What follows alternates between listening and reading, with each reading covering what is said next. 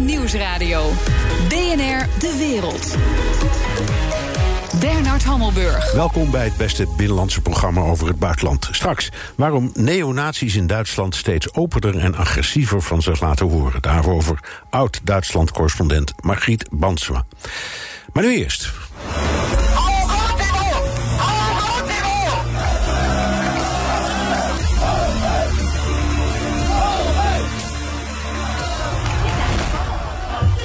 Met een video over militair ingrijpen tegen demonstraties waarschuwt het Chinese leger de demonstranten in Hongkong. Verdere onrust zal niet worden getolereerd. Is dat een voorbode van wat gaat komen? Ik praat erover met Oscar Garschagen, oud-China-correspondent voor NRC en schrijver van het nieuwe boek De Chinese Droom. Welkom. Fijn dat we elkaar terugzien, zeg ik er even bij, Ja. want we kennen elkaar. Nou, Al heel lang, uit Amerika. Uit Amerika, te lang om te vertellen. Washington en New York. Ja, zo is dat. Oké, Hongkong. Ehm, die demonstraties zijn groot en heftig. Had jij dit verwacht? Nee, ik eh, ben bij de demonstraties in 2014 geweest. eh, maandenlange eh, bezettingen van, eh, van het, eh, het, het, het centrale business district in Hongkong. En dat ebte daarna weg. En de afgelopen vijf jaar rommelde het wel. Met demonstraties in 2016. Maar begin dit jaar laaide het weer op. Naar aanleiding van een zeer omstreden uitleveringswet. Eigenlijk begon dat in maart. En dat dit zo lang voortduurt en dat steeds groter wordt, dat verbaast iedereen die China volgt. En ik neem aan ook Beijing. Ja. Even nog, die, die, die wet ging er dan over dat verdachten van een misdrijf in, in China konden worden berecht. Eh, precies. eh, in Hongkong zijn nogal wat voortvluchtigen, eh, Chinezen voortvluchtigen. Vaak zakenlieden die van corruptie worden verdacht. Ook een aantal partijfiguren. China wil die graag zelf berechten. En daardoor, daarvoor is deze wet bedoeld, aanvankelijk. En, maar de Hongkongers pikken dat niet en zijn daartegen in actie gekomen. Ja. Eh, de vertegenwoordiging van het Chinese leger in Hongkong spreekt zich nu voor het eerst uit. Wat maak jij daarvan? Is het meer dan een dreigement? Nee, generaal eh, Chen eh, Daoxing, die dat gisteren allemaal heeft gezegd, is de hoogste militair van het eh, 6000 eh, soldaten tellende Hongkong-garnizoen. Dat is een speciale eenheid van het, van het Chinese leger, speciaal voor Hongkong. Ze zijn al lang in Hongkong, al sinds 1997. Dat is voortdurend uitgebreid. En dit was een hele duidelijke waarschuwing eh, van de hoogste eh, Chinese generaal in Hongkong. Van dit moet aflopen, want anders eh, dragen jullie daar zelf de gevolgen van. Anders wat? Wat betekent jullie Nou, dat is een, om te beginnen is dit natuurlijk allemaal sabelgekletter. Ja. Het is natuurlijk. Er is een, een belangrijke Chinese commentator, de hoofdredacteur van eh, Global Times. En die heeft eh, vanochtend ook geschreven. Het zou eigenlijk alleen kunnen gebeuren als de demonstranten zelf wapens gebruiken, dus gaan schieten. Als eh, de sociale onrust de, de markten, de belangrijke beurzen van, eh, van, eh, van Hongkong eh, stilleggen. En voor de rest houdt hij zich op de vlakte. En deze hoofdredacteur van Global Times, een, een heel gezaghebbende krant. Zijn, zijn ideeën lijken te bevestigen wat de houding in Beijing is. Beijing is natuurlijk kwaad. Beijing is eh, ongerust. Beijing voelt zich beschaamd. Maar eh, wapens inzetten, tanks inzetten, zoals in dat filmpje wordt gesuggereerd, dat is natuurlijk een stap eh, veel verder. Ja, dus dat is wapengekletter en ook eigenlijk een loos dreigement. Als die demonstranten zich maar houden aan wat jij beschrijft. Niet naar wapens grijpen, niet de beurs stilleggen, niet de totale samenleving ontwrichten, dan lopen ze in geval van het leger geen gevaar. Voor, vooralsnog niet. Vooralsnog niet. Dat wil niet zeggen dat eh, de Chinese overheid Beijing geen andere middelen heeft. De, de Hongkongse politie wordt geleid vanuit eh, Beijing. Eh, de staatsveiligheid, de Chinese staatsveiligheid is zeer actief in Hongkong. Deze demonstranten, net als bij de vorige demonstraties, lopen allemaal het gevaar natuurlijk dat ze geïdentificeerd worden en in de komende weken en maanden en misschien wel jaren worden opgepakt en berecht. Ja. En voor eh, meerdere jaren de gevangenis ingaan. Ja, ik herinner me ook eh, in de tijd van eh, de afste normalisering of de, de beëindiging van de relatie met uh, Groot-Brittannië dat er toen steeds sprake van was... Eh, als jullie niet doen wat we willen, draaien gewoon het licht uit. Of de, elekt of, of, uh, of de waterleiding. Ja, dat, dat kunnen ze, want ja, dat, Hong, dat Hongkong zou... is afhankelijk daarvan. Ja, Hongkong is zeer afhankelijk. En in toenemende mate, de hele Hongkongse economie... is in grote mate afhankelijk van de Chinese economie. Dus dat kan allemaal wel. Maar daar staat natuurlijk tegenover dat China zelf bij het, het huidige systeem in uh, Hongkong ook een groot belang heeft de onafhankelijke kapitaalmarkten, de, het onafhankelijke rechtspraak, onafhankelijke monetaire systeem. Daar profiteren Chinese bedrijven die op zoek zijn naar geld of met hun geld naar het buitenland gaan, natuurlijk in hoge mate van. Dus die, die verhouding die zit ingewikkeld in elkaar. Uh, uh, en China kan eigenlijk op dit moment is het heel interessant om te zien, vind ik, wat, wat Xi Jinping, de president van China en de partijleider, in de komende uh, weken en maanden precies gaat doen. Ja. Um, het ging, daar hadden we het over, om uh, een wet, een uitleveringswet voor uh, criminelen. die verzet gaf. Vervolgens ging het erom dat eh, de opstandelingen zeiden... we vinden dat de politie zich heeft misdragen... die moet daar uh, excuus voor aanbieden. Maar het schuift steeds op. Waar gaat het echt om? In het, deze... het gaat in wezen om uh, de toekomst. Het gaat om wat er na 2047 gaat gebeuren. Op dit moment wordt Hongkong geregeerd volgens het één land, twee, principe, twee, twee systemen principe. Hongkong behoort tot China, maar anders dan in China zelf heerst in Hongkong een liberaal rechtssysteem. Er is sprake van enige democratie, vrije pers, vrije mensenrechtenorganisaties, et cetera, et cetera. In de hoe gaat dat over 30 jaar gebeuren? De jongeren die nu op straat gaan, zijn in 2047 uh, tegen de 50, eind 40, eind 50. En die voorzien dat ze dan in het, in het autoritaire Chinese systeem terechtkomen. Zij maken zich daar nu al ongerust over. Dat is waar het in de kern om gaat, volgens okay, mij. En, en dat is dus onoplosbaar? Dat is onoplosbaar. Want, want 2047, dat is gewoon, ik zal maar zeggen, verdragsmatig, contractueel vastgelegd. Dat is in 1997 vastgelegd. Ja, vanaf dat moment is Hongkong gewoon onderdeel van China. Ja, precies. En de vraag is wat er daarna gebeurt. Blijft het systeem in stand? Uh, dus één land, twee politieke systemen? Of wordt het uh, Chinese autoritaire, dictatoriale politieke systeem van toepassing verklaard uh, op Hongkong? Worden die grenzen als het ware opgeheven? Daar gaat het in wezen om. Ja. Um, de regering zit in een spagaat. Want ja, aan de ene kant ze kunnen, dat leg je net uit, ook als je luistert naar de citaten van, hoe heette die krant? Global, Global Times. Global Times. Een aantal dingen. Dat noemen ze het keffertje van de, de communistische partij. Oké, maar die kunnen dus, ze kunnen een aantal dingen, maar ze kunnen niet alles en ze willen ook niet alles. Ze moeten tegelijkertijd aan de buitenwereld laten zien dat ze um, de zaak onder controle hebben. Hoe gaan ze daar nu mee om met deze. Nou ja, het dilemma is natuurlijk op het moment. Je zou kunnen zeggen: uh, China kan een, een buitengewoon mooi internationaal gebaar maken door Hongkong uh, verder te democratiseren. Maar dat zou een enorm precedent zijn voor het eh, Chinese vasteland zelf. Van waarom doe je in Hongkong wel iets? Wat je dan de burgers in Beijing, Shanghai, Chongqing, Chengdu, et cetera, noem al die steden maar, uh, ontzegt. Dat, daar willen ze, en president Xi Jinping heeft heel duidelijk gemaakt dat hij die kant niet uit wil.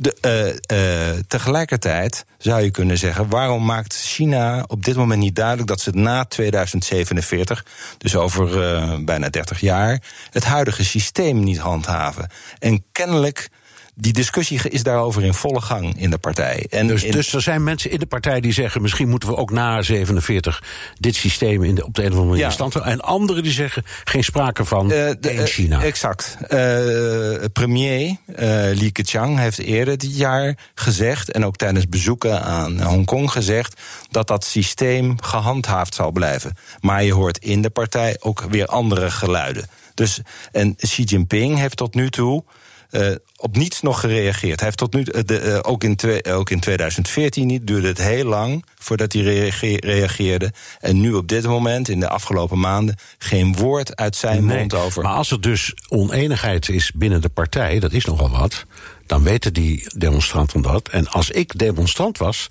dan zou ik zeggen: ik ga tot het gaatje. Ik ga desnoods nog jaren door met demonstreren, want we hebben een aantal twijfelaars aan onze kant. Nou, dat is uh, zeer wel mogelijk. Uh, uh, in ieder geval, de, taaiheid van de demonstranten, de breedte van de demonstratie. En met breedte bedoel ik verschillende bevolkingsgroepen. Uh, is uh, verbaast iedereen. Morgen bijvoorbeeld gaan voor het eerst, en dat is toch heel bijzonder, ambtenaren staken. Het is maar een klein groepje, maar uh, 2000 van de 170.000 uh, ambtenaren zijn van plan de straat op te gaan. En waar demonstreren die tegen? Ze zullen een, een aanleiding hebben bedacht. Nou, de, uh, tegen het, de manier waarop de politie wordt ingezet, tegen die, die uitleveringswet. dus tegen, tegen, dezelfde dingen? Tegen dezelfde dingen, ja. ja. En ook, ik neem aan, hier is het verboden als ambtenaren staken. Dat zal daar ook niet mogen. Dus ja. dat, dat nou, een, uurtje, een uurtje geleden publiceerde de South China Morning Post een bericht, een persbericht van de Hongkongse regering, waarin gezegd werd van ambtenaren: jullie moeten uh, a loyaal zijn aan ons en politiek strikt neutraal. Dus de waarschuwing is een uurtje geleden de lucht ingegaan. Zo dadelijk. Waarom de aansluiting van Hongkong een persoonlijke missie is voor president Xi Jinping. BNR Nieuwsradio. BNR De Wereld. Het gevecht om Hongkong past in een brede strijd om de Chinese droom. Let's strive hard to build a wealthy society, achieve the victory of Chinese socialism, realize the Chinese dream of the great rejuvenation. Maar die droom van president Xi Jinping gaat niet meer over meer democratie of over zijn democratie. Ik praat verder met Oscar Garschagen, oud-correspondent in China voor NRC en schrijver van het nieuwe boek De Chinese Droom. Uh, Oscar, Hongkong is economisch van groot belang voor China, dat zei je al. In hoeverre, hoe werkt dat? Hoe steunt dan die Chinese economie op uh, Hongkong? Uh, de Chinese bedrijven die, uh, die gaan voor hun, uh, voor hun nieuwe kapitaal naar Hongkong. Chinese investeringen in Europa en in de Verenigde Staten lopen via, vaak via Hongkong. Als een Chinees bedrijf een beursgang wil maken om kapitaal op te halen, uh, is Hongkong vaak een van de plekken die uitgekozen worden. Uh, in, in tegenstelling tot Shanghai. Hoewel Hongkong en Shanghai nu aan elkaar gekoppeld zijn, kiezen ze liever voor Hongkong. Want Hongkong heeft onafhankelijke rechtspraak, heeft een onafhankelijk monetair systeem al die zaken die, die voor Chinese investeerders nee. van groot belang zijn. Op de, op de keuze of de aanwijzing van de regering na, zou je misschien kunnen zeggen, is Hongkong een liberale democratie? Uh, zeker. En uh, uh, daar heeft klaarblijkelijk het, de Xi Jinping belang bij. Zeker. En met tegelijkertijd is de Chinese droom de eenmaking, eenmaking van China. Niet alleen Hongkong en Macau, maar uiteraard ook vooral ook Taiwan. En ja, het, het zit hem ook in de, in de genen van de Chinese Communistische Partij, van Chinese communisten. Zij willen de zaak controleren. Uh, het kan best in twee systemen, maar zij willen de eindverantwoordelijkheid. Ik heb me heel vaak afgevraagd waarom er bepaalde dingen gebeurden uh, op het gebied van, van dorpsverkiezingen of iets anders. En vaak komt het erop neer dat de partij de baas wil zijn, de controle wil houden, het strak wil houden, want zij weten, zij kunnen hun eigen geschiedenis heel goed. En ze, en, en ze weten dat een revolutie kan worden gesticht door een handjevol mensen. Een handjevol mensen in 19... Dat kan in een dorp zijn. Het kan in een dorp dat zijn. Dat kunnen demonstranten zijn in Hongkong. Het waren in, in 1921 uh, 18 of 19 uh, mannen. Ik geloof dat er geen vrouw bij was. Sun Yat-sen. Uh, ja, tegen Sun Yat-sen. Ja. Sun Yat-sen was de grondlegger van de, de Kuomintang, van de Nationale Partij. En zij, de Communistische Partij, is ook heel klein begonnen. 1, 2, 3, 4, 5. En zo, uh, zo begint zo'n zo'n zo'n veenbrand, zal ik maar ja. zeggen. En daar zijn ze erg beducht op. Oké, okay. ze hebben zelf die formule bedacht van één land, twee systemen. Ja. Of één land, twee regeringen. Dat doen ze dan met Hongkong. Je zei terecht Macau, want daar horen we bijna nooit iets over. En ook Taiwan. Taiwan, dat, dat de. De, de frase één land, twee systemen is bedacht door toenmalig leider Deng Xiaoping en was bedoeld voor Taiwan. Taiwan is de, de, de hoofdprijs. Taiwan is de, de big enchilada. Dat is wat uh, iedere partijleider dat probleem van Taiwan uh, opgelost wil zien. Ja. En Xi Jinping is daar uh, zeer uitgesproken over. En wordt daar in zijn, in zijn speeches wordt hij daar ook steeds scherper over. Ja, er gebeuren steeds dingen rondom uh, Taiwan. Er is nu een Amerikaanse president die Xi op dit punt, ik zal maar zeggen, tart. Door, ja. door een wapendeal te sluiten ja. met Taiwan, door de president van het land um, uit te nodigen of toe te laten en te laten rondreizen. Um, daar kan hij niks aan doen, Xi. Daar kan hij even niks aan doen dan uh, heel kwaad over worden. Uh, Trump, of Trump zelf daar zo heel erg diep in de materie zit, dat weet ik niet. Maar hij heeft een National Security Advisor. John Bolton. John Bolton. En die kent de materie heel goed. Nu is die kwestie van Taiwan een hele oude. Zeker voor de, voor de Amerikanen, en misschien ook de rest van de westerse wereld. Want toen destijds onder Nixon. China, dat geïsoleerd was in de wereldgemeenschap en in de VN, werd getrokken, moest uh, uh, Taiwan eruit. Is dus ook uit de VN gezet, geen lid meer. En een heleboel landen, inclusief heel veel Amerikanen, Richard Nixon en zoals nu net in het nieuws is gebleken, ook Ronald Reagan. En ook anderen, en waarschijnlijk ook Trump, die hebben ze er altijd kapot aan geërgerd. Ze zeggen, wat is dit voor flauwekul? Mm. Het is gewoon een land, daar moet je niet zo moeilijk over doen. Dan moet je dus ook gewoon erkennen wat, gaat wat gebeurt er dan op het moment dat ik of jij of Donald Trump of um, uh, iemand de, uit het Westen dat zegt? Wat gebeurt er in het hoofd van Xi? Die, uh, als hij zijn, zijn uitspraken gestand doet, dan trekt hij ten strijde. Op het moment dat Taiwan, de Taiwanese regering, de Taiwanese president en het Taiwanese parlement uh, de, de formele onafhankelijkheid uitroepen, zijn de rapen zeer gaar. Ja, wat gebeurt er dan? Nou, dan. dan uh, Krijg je een invasie? Dan kan je een invasie krijgen. Dat is waar, waar Chinese presidenten en met name Xi Jinping en ook de generaals, de zittende generaals op dit moment. Uh, op duiden. Op ja. het moment. Maar dan moet het ook inderdaad de formele uh, onafhankelijkheid zijn. Uh, 80% van de Taiwanese willen dit niet. de aanhangers van president Tsai Ing-wen willen dit niet. de DPP, haar partij, wil dit al heel lang niet. de, de, haar tegenstanders in de Kuomintang, de oude nationale partij, die zijn daar twijfelachtig over. De, de, de nieuwste kandidaat, de, de, de presidentskandidaat, burgemeester Han van Kaohsiung, een grote stad in het zuiden van uh, Taiwan, die laat dat een beetje in het midden. Het is een heel gevoelige kwestie. Ja, maar ik begrijp dus dat als je zegt 80% is tegen, maar ook uh, de oude Kuomintang, de beweging van Chiang Kai-shek... die daar notabene, uh, ja. ik zal maar zeggen... dat land in zijn moderne vorm heeft opgericht... ook die hebben allemaal hun twijfel. Nee, dat moet, je moet geen conflict met China willen. Nee, dat, uh, vandaar waar, die, waar, die... waar maakt Xi zich dan zo druk om? Uh, omdat als, hij heeft uh, zijn Chinese droom, het eengemaakte China, het herstel van het China van voor uh, de revolutie, uh, met Taiwan als onderdeel van de, de, de Republiek, Volksrepubliek China, dat, heeft hij, dat geeft hij hoge prioriteit.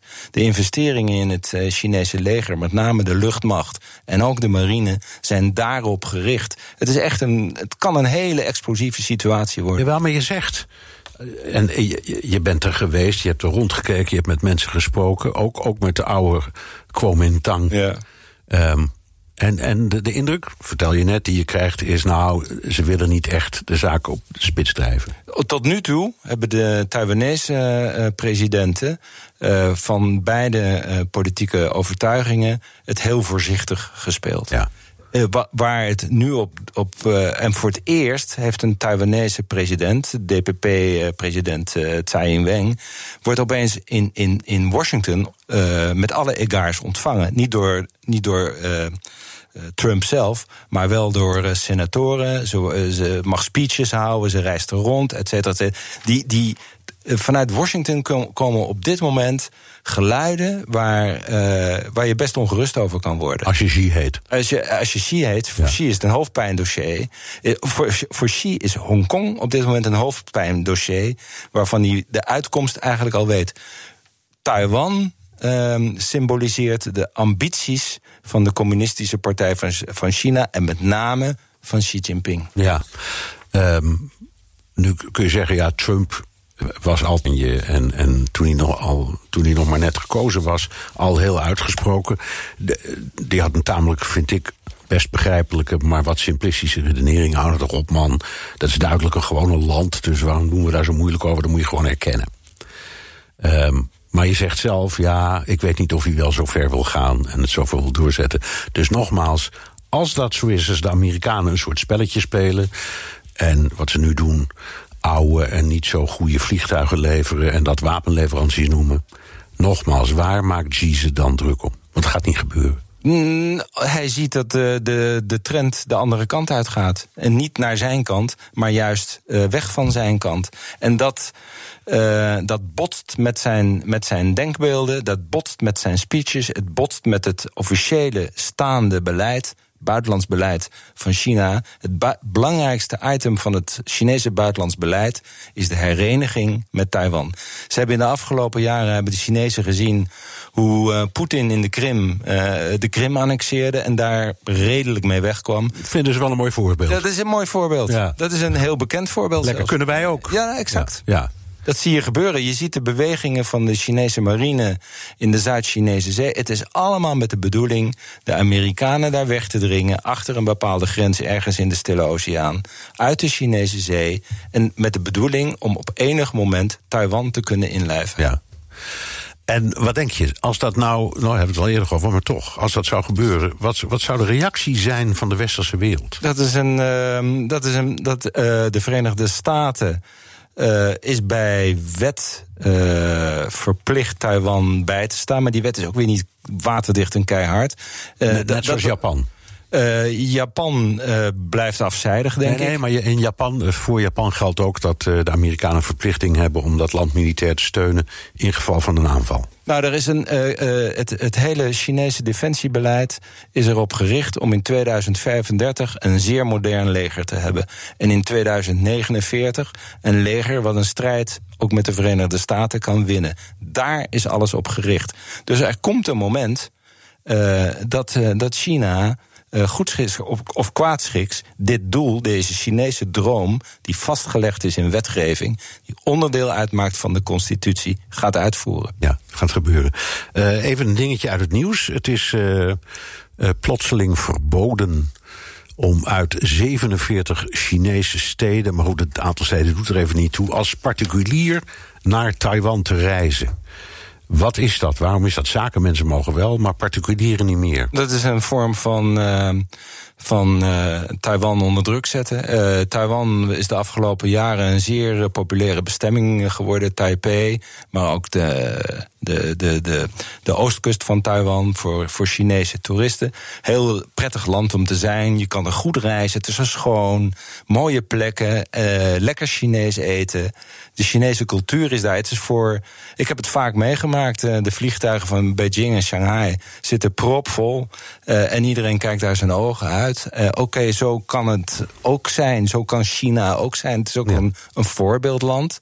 Uh, uh, en dit is, dit is puur Taiwan pesten. Ja, maar je zou ook kunnen zeggen, als je zie was, ga vooral kijken, want dit is ook het voorland voor heel China. Nou, dat is natuurlijk altijd het. Uh, de, de, de, dit besluit is genomen omdat de Hongkongs uh, mensen die in Hongkong gezocht worden, vluchten naar, naar Taiwan. Een aantal van die studentenleiders is daar. daar. En op deze manier pest Beijing terug. Dat is een soort. Ja, dat spel dat gaat, dat zal nog vele hoofdstukken gaan, ja. gaan tellen. Nou, ik herinner mezelf dat ik daar ooit heb gestaan en dat ze nog over zee tegen elkaar schreeuwden met grote luidsprekers. Allemaal. Ja, maar er staan nu ook wel uh, raketten uh, gericht. Ja, dat is gevaarlijker dan luidsprekers. De, de J uh, in Shanghai, Ningbo en Fujian, de, de, de, de, de, de, de stroken China dichtst bij Taiwan.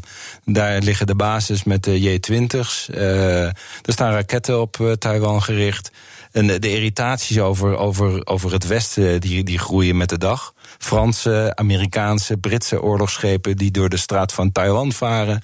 Het, het ergert Beijing mateloos. Dank. Oscar Garschagen, oud-correspondent in China voor NRC en schrijver van het nieuwe boek De Chinese Droom. BNR BNR Nieuwsradio. BNR De Wereld. Bernard Hammelburg. Baltimore is een van ratten en ongedierte vergeven troep, zegt de president van de Verenigde Staten. The Donald Show. En dus is het tijd voor een update uit de United States of Trump met onze eigen correspondent in Washington, Jan Posma. Jan, jij bent in Baltimore en heb je rattengif meegenomen? nee, ik heb geen rattengif meegenomen. Ik moet eerlijk zeggen, ik zit hier uh, best gezellig in een uh, koffietent hier in het centrum. Dus dat is ook het geluid dat je hoort. En het centrum, dat is best mooi opgeknapt. Een paar mooie musea. Uh, eigenlijk een beetje zo'n standaard kleinere grote stad in Amerika. Met een paar hoge gebouwen en niet zoveel op aan te merken. Maar het eerste gesprek dat ik hier had, ging me wel meteen over ratten. En dat was niet omdat ik erover begon. Dus het leeft hier wel. maar ik wilde maar even zeggen, Baltimore is echt veel gevarieerder dan Trump zegt. Hij noemt het een hel om te wonen. dat door ongedierte geïnvesteerd is. nou, het is zeker een plek met grote problemen. Hoge moordcijfers, leegstand, armoede, al die dingen zijn er. Maar dat kiesdistrict van Elijah Cummings, waar, waar Trump dus die aanval op inzette... ja, daar zitten ook villa-wijken, daar zit ook dat mooie centrum in. Dus die kant heb je ook. Ja. Ja, ik, weet, nou, ik, ik weet uit New York, daar wonen 8 miljoen mensen... en ik geloof 16 miljoen ratten. Dus nou ja, het zegt ook niet altijd wat, hè? Uh, nee, zeker, hey, uh, Trump moet zelf binnenkort naar Baltimore. Ik neem Ja, aan, ik ik neem aan met dikke laarzen aan. Ja, ja, ja, ja. Nou ja, in die de grote auto van hem natuurlijk. Eh, Ik ben benieuwd of je het ook gaat doen, eh, Bernard. Want eh, ja, het komt erop neer, die Republikeinen hebben een jaarlijks schoolreisje. Gaan ze even wat aan teambuilding doen, even de boel oppeppen natuurlijk. En de volgende staat gepland voor, voor 12 eh, september. En is dus in Baltimore. En het is de gewoonte dat de president daar ook altijd even speech, dat hij even langskomt. D- dus ja, ik, ik kan me zo voorstellen dat toen de president begon met tweeten... dat, dat er toen bij de organisatie eh, het zuchten begon. begon. Eh, ja, hij zal eraan moeten geloven, maar wel in een luxe hotel. eh, hier in het centrum, dus in, in het nette gedeelte. Ja, op een hogere verdieping als ik hem was. ja. Oké, het gaat steeds over ongedierte in Baltimore. En dat heeft dan ook weer iets te maken met zijn schoonzoon. Ja, en daar, hoor je de president dan weer niet over natuurlijk. Eh, Jared Kushner, hè, we, kennen hem, eh, de adviseur eh, van Trump in het Witte Huis... heeft ook een groot vastgoedbedrijf, Kushner Corporation. En die verhuren duizenden huizen hier in Baltimore. En, en ja, die, worden dan, die wijken worden een beetje spottend Kushner Fields genoemd. Omdat ze allemaal, eigenaar, ja, allemaal van hem zijn. En er is nogal wat mis met die huizen daar. Veel lekkages, schimmel, achterstallig onderhoud. En een van de meest gehoorde klachten is... Ja, die, die gaan over muizen, dus over ongedierte. En ja, die Kushner die heeft officieel dan de leiding eh, overgedragen van zijn bedrijf. Eh, to- toen hij adviseur werd natuurlijk, toen hij in het Witte Huis ging. Maar hij is wel nog steeds de eigenaar. Dus de naam Kushner gaat hier ook heel veel over de tong. Ja. Even nog iets anders. Er, is, er waren twee dagen achter elkaar eh, democratische debatten. Twintig democraten die tegen elkaar debatteerden. Heeft Trump gekeken? Ja, hij, eh, hij heeft eh, zeker gekeken. Van tevoren zegt hij dan altijd van... nou, ik, eh, ik heb belangrijkere dingen te doen. Maar beide avonden kwamen er tweets over immigratie... en dat deze kandidaten America niet great gaan houden. Dat je daar toch echt Trump voor nodig hebt. Dat ja, zij helemaal geen records gaan verbreken. Dus wel een beetje het bekende werk zou je kunnen zeggen. Maar ik denk als hij zo kijkt daar in, in, in een kamertje in het Witte Huis... dat hij zich geen grote zorgen heeft gemaakt over beide avonden. Want... ehm, ja, als je kijkt, eh, er kwam eigenlijk niet echt een nieuwe naam bovendrijven. Er was geen verrassing zoals de vorige keer. Kamala Harris, die toen eh, ja, eh, echt eventjes Trump of Biden flink aanviel. Zo'n moment was er niet. En Biden zelf, ja, nog steeds koploper. Hij, hij bleef staan, maar het was niet vol overtuiging. Dus ik denk dat Trump wel beide avonden met een kleine glimlach naar bed is gegaan. Ja, ja, en ook niemand die echt een boodschap had waarmee je dacht... nou, daar, daar, daar schrikt Trump van. Nee, nee, zeker niet. Het bleef allemaal een beetje hangen. En je had een paar kandidaten die, dat, die, die wel een boodschap hebben... maar dat gewoon niet goed konden verwoorden. Eh, je had eh, Joe Biden, wiens boodschap eigenlijk is... eh, ik ben een soort Obama-light. Ja, daar kom je ook niet heel veel verder mee. En, en het, het, ja, de- iedereen had weer iets waardoor de, de toppers van de eerste ronde... eigenlijk nu een beetje de, de, minnetjes waren. En vice versa, waardoor het soort... ja, we eigenlijk weer een beetje terug bij af zijn. Dus ja, het, zal het volgende debat ook in september is dat moeten gebeuren. En precies in die dagen dat Trump in Baltimore zit. Dus misschien heeft hij dan tijd om te tweeten. Dankjewel, Jan Postma, onze eigen correspondent vanuit Baltimore. BNR Nieuwsradio. BNR De Wereld. Met openlijke bedreigingen en een politieke moord laten neonazies in Duitsland steeds nadrukkelijker van zich horen.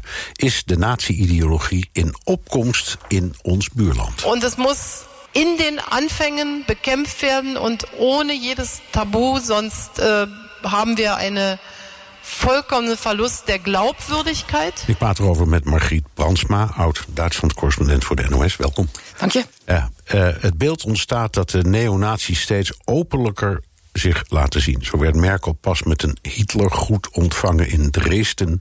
En er was vorige maand een moord op de op burgemeester Walter Lübke. Hoe komt dat? Dat heeft veel te maken met uh, de opkomst van de AFD, die populistische partij in Duitsland, uh, waar de neonazies um, zich thuis voelen. Uh, ze zien die partij als een soort parlementaire arm, hè, als een soort mogelijkheid om ook binnen de politiek invloed te krijgen. Wat je ziet op dit moment is dat de neonazies zien in Duitsland niet eens zozeer veel groter wordt, maar wel meer bereid is tot geweld.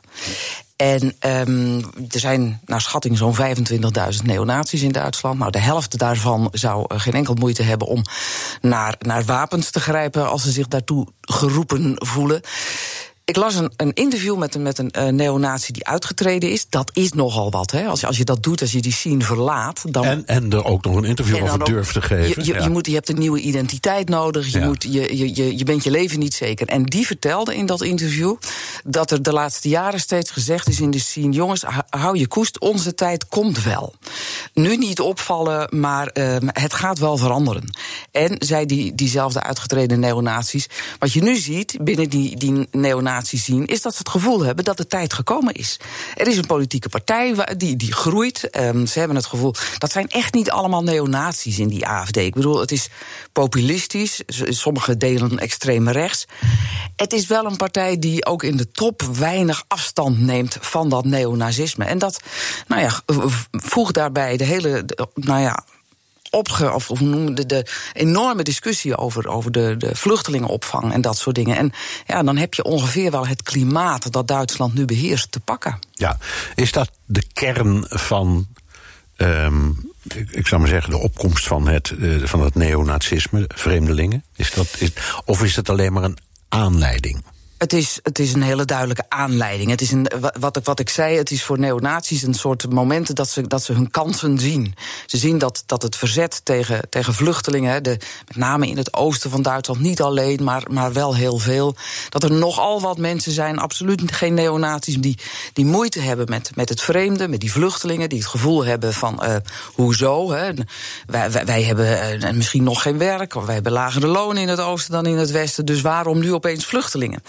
Dat, dat, dat gevoel is veel breder dan alleen onder neonazies. Maar omdat dat zo is, ziet die scene zijn kans wel. Of ja, ziet kansen en ja, manifesteert zich steeds gewelddadiger. Je noemde Lupke, maar wat je op dit moment ziet, is dat er uh, heel veel regionale politici bedreigd worden. Vrijwilligers in asielzoekerscentra en dat soort dingen.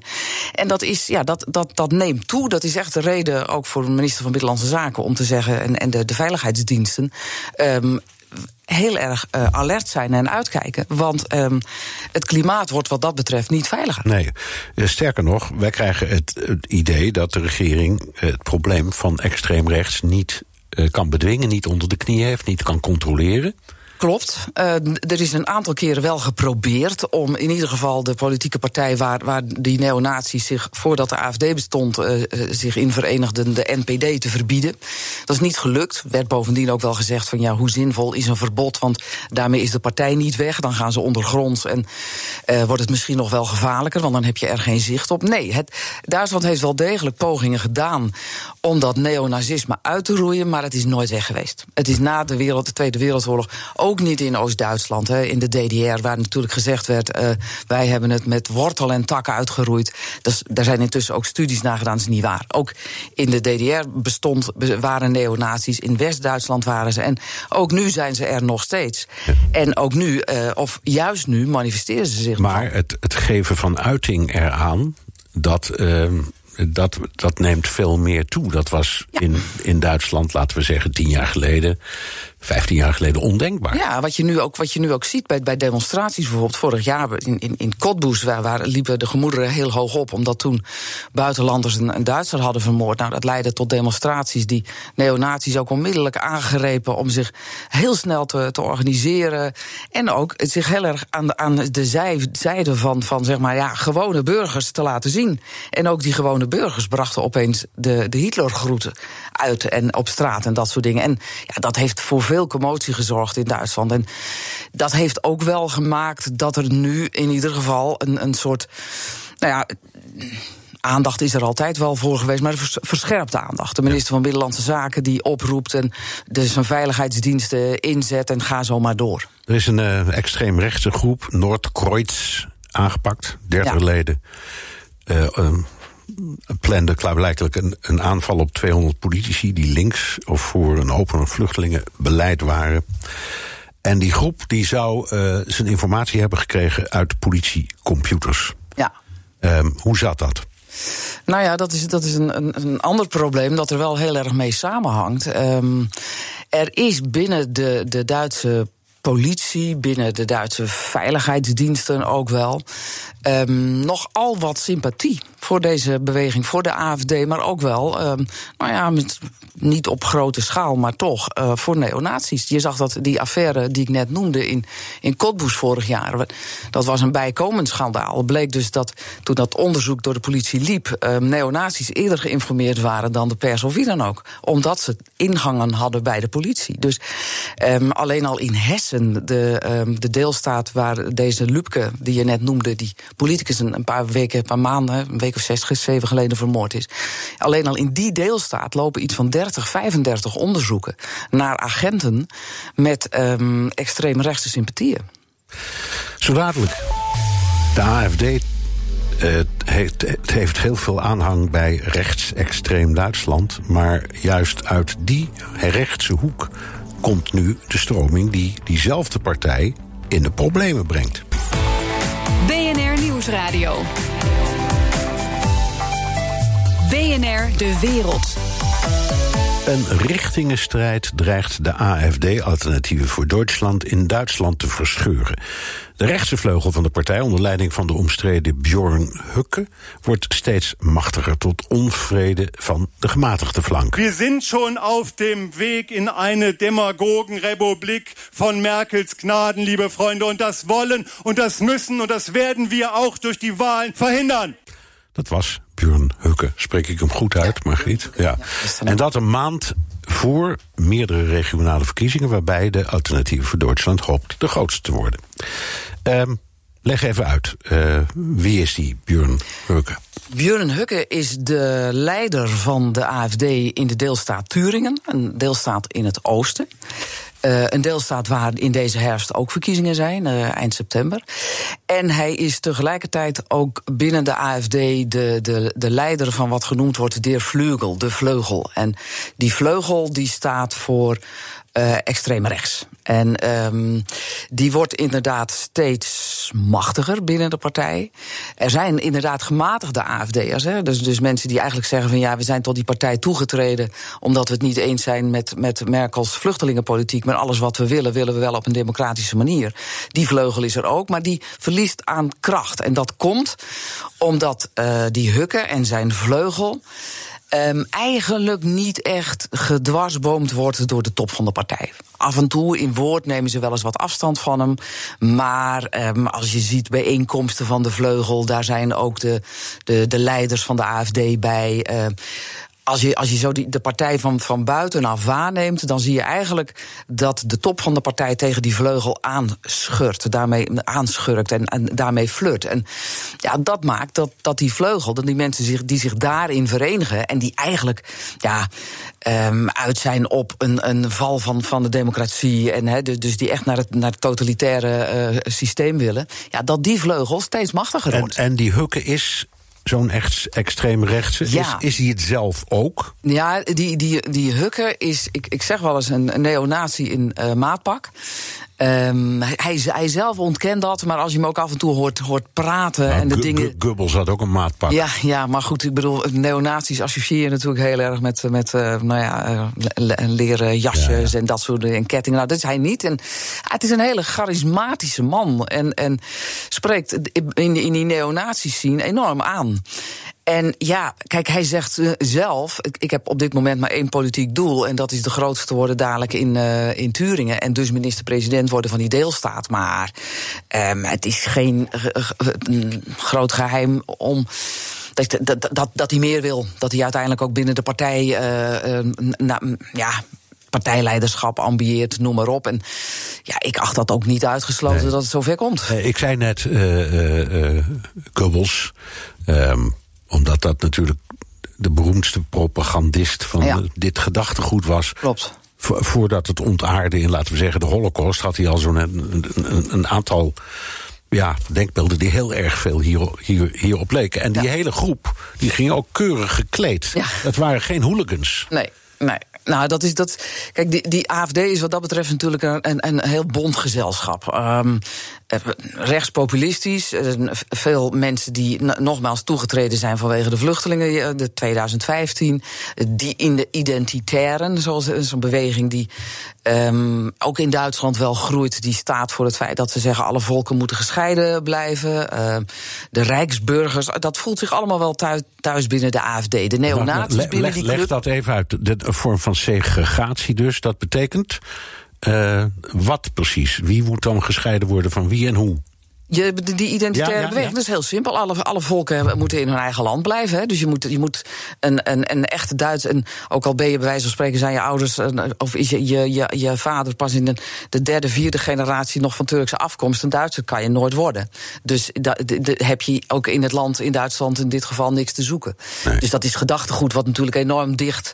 bij die neonatie eh, aansluit. Ja, de Nuremberger regels. Ja, ehm, wat die neonazies natuurlijk onderscheidt, is, is de, over het algemeen de gewelddadigheid. Maar het, ja, en, en dat, is, dat, is, dat is die AFD. En, en ja, wat je dadelijk zult zien in, ehm, de, bij die verkiezingen, 1 september al, en dan zijn het zijn de verkiezingen in, in Brandenburg en Sachsen. Dat zijn ook twee deelstaten in het oosten. En daar maken ze kans de grootste partij te worden. Ja, ehm, twee vragen die ermee samenhangen. Je had het er net al even over. Dat bestuur van die AFD Ja. worstelt hiermee. Kun je zeggen, ja, maar ik kan toch wel zien waar ze staan? Nou ja, kijk, ehm, als je weet dat, dat de. De, de, de, de grote de Gauland heet de baas van, van de AFD. Kijk, die, die man zegt ook dingen als. ehm, de, eh, het, het nationaal socialisme, de 33-45, was een vogelpoepje in de Duitse geschiedenis. Net zoals de Duitsers en de Fransen eh, trots kunnen zijn op hun soldaten tijdens de beide wereldoorlogen, kunnen Duitsers dat ook. Nou, dat is natuurlijk taal die ehm neonazies als muziek in de oren klinkt. Dat is de leider van de partij. Dus daarom zeg ik, die, die- partijleiding lijkt er niet vies van. Tegelijkertijd denk ik, en daarin sta ik niet alleen, dat als die AFD echt van zeg maar een bezorgde, burger, een bezorgde burgerprotestpartij, wat het eigenlijk was, echt opschuift naar extreem rechts, dan denk ik dat de groei er wel uit is. Ik denk Ja. dat heel veel Duitsers die zich in de afgelopen jaren tot de AFD hebben bekeerd, eh, zeggen: ja, maar dit gaat me te ver. Ja, nou, er komen dus verkiezingen aan in een aantal deelstaten. Heel belangrijk ook voor de regering Ja. Merkel. Eh, want die kreeg eh, in mei al het een beetje aan de stok met coalitiepartner SPD toen de, de Europese verkiezingen in Bremen eh, niet zo geweldig eh, verliepen. Dus wat gaat er nu gebeuren als, Ja. het, als, als, als er nog meer van dit soort, ik zal maar zeggen, tegenslag komt?